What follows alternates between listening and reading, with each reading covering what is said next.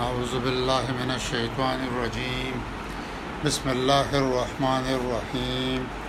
الحمد لله نحمده ونستعينه ونستغفره ونعوذ بالله من شرور أنفسنا ومن سيئات أعمالنا من يهدي الله فلا مضل له ومن يضلل فلا هادي له واشهد ان لا اله الا الله واشهد ان محمدا عبده ورسوله اللهم صل على محمد وعلى آل محمد كما صليت على إبراهيم وعلى آل إبراهيم إنك حميد مجيد اللهم بارك على محمد وعلى آل محمد كما باركت على إبراهيم وعلى آل إبراهيم إنك حميد مجيد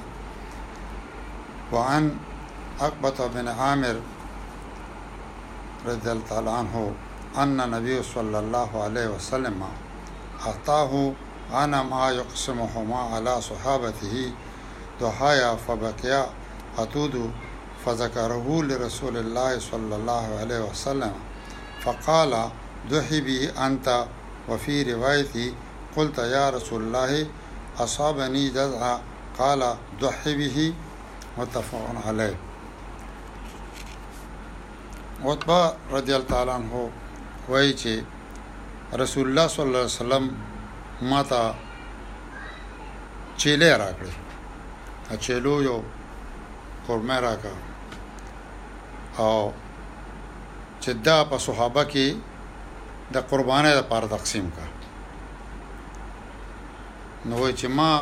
هغه تقسیم وکړو صحابو کې نو یو بچی پاتې شو یو د چیلې بچی پاتې شو نور تقسیم شو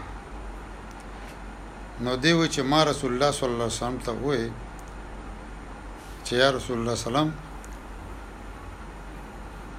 زه دې سره قرباني وکم نو رسول الله صلی الله علیه وسلم اور فاعل چې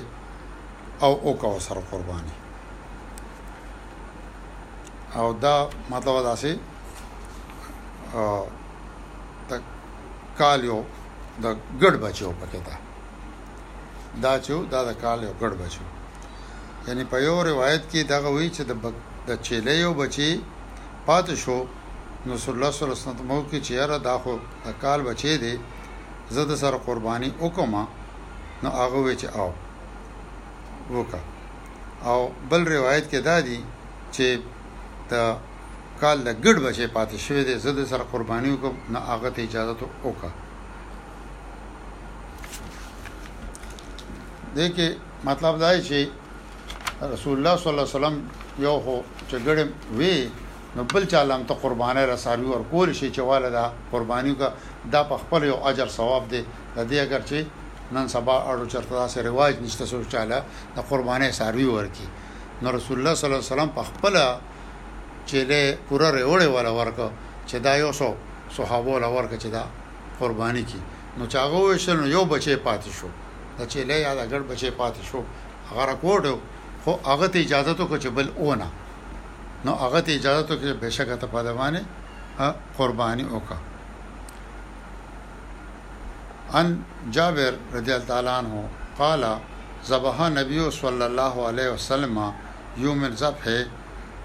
کبشین اقرنین ام لحین مرجو علین فلما وجههما قال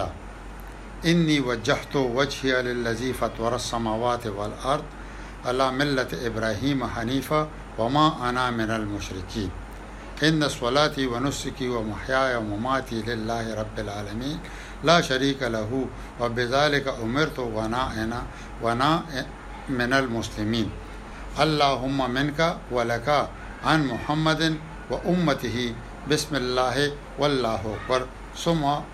ثم ذهب، رواه احمد و ابوداود و ابن ماجه و دارمی فی روایت لاحمد و ابی داود و الترمذی ضعف بیده و قال بسم الله و الله اکبر اللهم هذا عنی و عن من لم یضحی من امتی جابر رضی الله تعالی عنه وایي چې نبي کریم صلی الله علیه وسلم د قربانۍ پر ورځ باندې دوه ګډان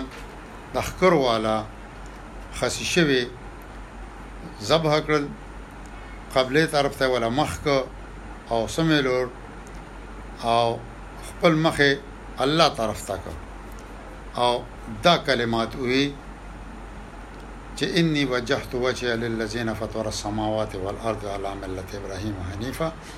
دا کلمات وما انا من المشرکین ان الصلاه ونسكي ومحياي ومماتي لله رب العالمين لا شريك له هو بذلك امرت وانا من المسلمين دا کلمات وي دا پکاري چې دا کلمات منګ هم زو کو د نبی کریم صلی الله علیه وسلم مبارک ته مختلف اوقاتو کې مختلف کلمات سره اغدا کړي خدا الالول نه مخکې بد الله صفات بیان کړل د هغه ذات مخې ته کېږم چې هغه زه خپل مخ د هغه ذات مخامخ کوم چې چا اسمانونه او ځمکه پیدا کړي دي او زه د ابراهیم علی السلام ملت طرف ته يم او زه مشرکان نه يم تحقیق زما مونز او زما قرباني او زما زندگی او زما مرګ د الله لپاره دی چې هغه د ټولو جهانونو رب دی او د هغه څوک شریک نشته حکم را کړی شوی دی ماته چې زه د مسلمانانو یم اے الله دا قربانی کوم ستا عطا ده تا را کړی ده الله له منکا ولکا دا یا الله دا قربانی اوم تا را کړی ده اوم ستا د پاره ده د محمد صلی الله علیه وسلم او د هغه د امت ته طرف نه دی وی او دا غنه پسې پیوي چې بسم الله والله اکبر او بیا زح وکړه یو روایت کې بل کې مرضی چې هغه کې دا الفاظ کې لګ تبدیلی راغلی دا چې دا وې چې الله اکبر بسم الله الله اکبر یا الله دا زما د طرفه ده او د هر هغه کس د طرفه ده زما د امت چې چا قرباني نه ادا کړي نو دو قربانه رسول الله صلی الله علیه وسلم دا سم کړی دي چې هغې کې ځان سره خپل امت هغه کسان شامل کړي دي چې هغوی قرباني نه ده کړې نو د هغوی د طرفه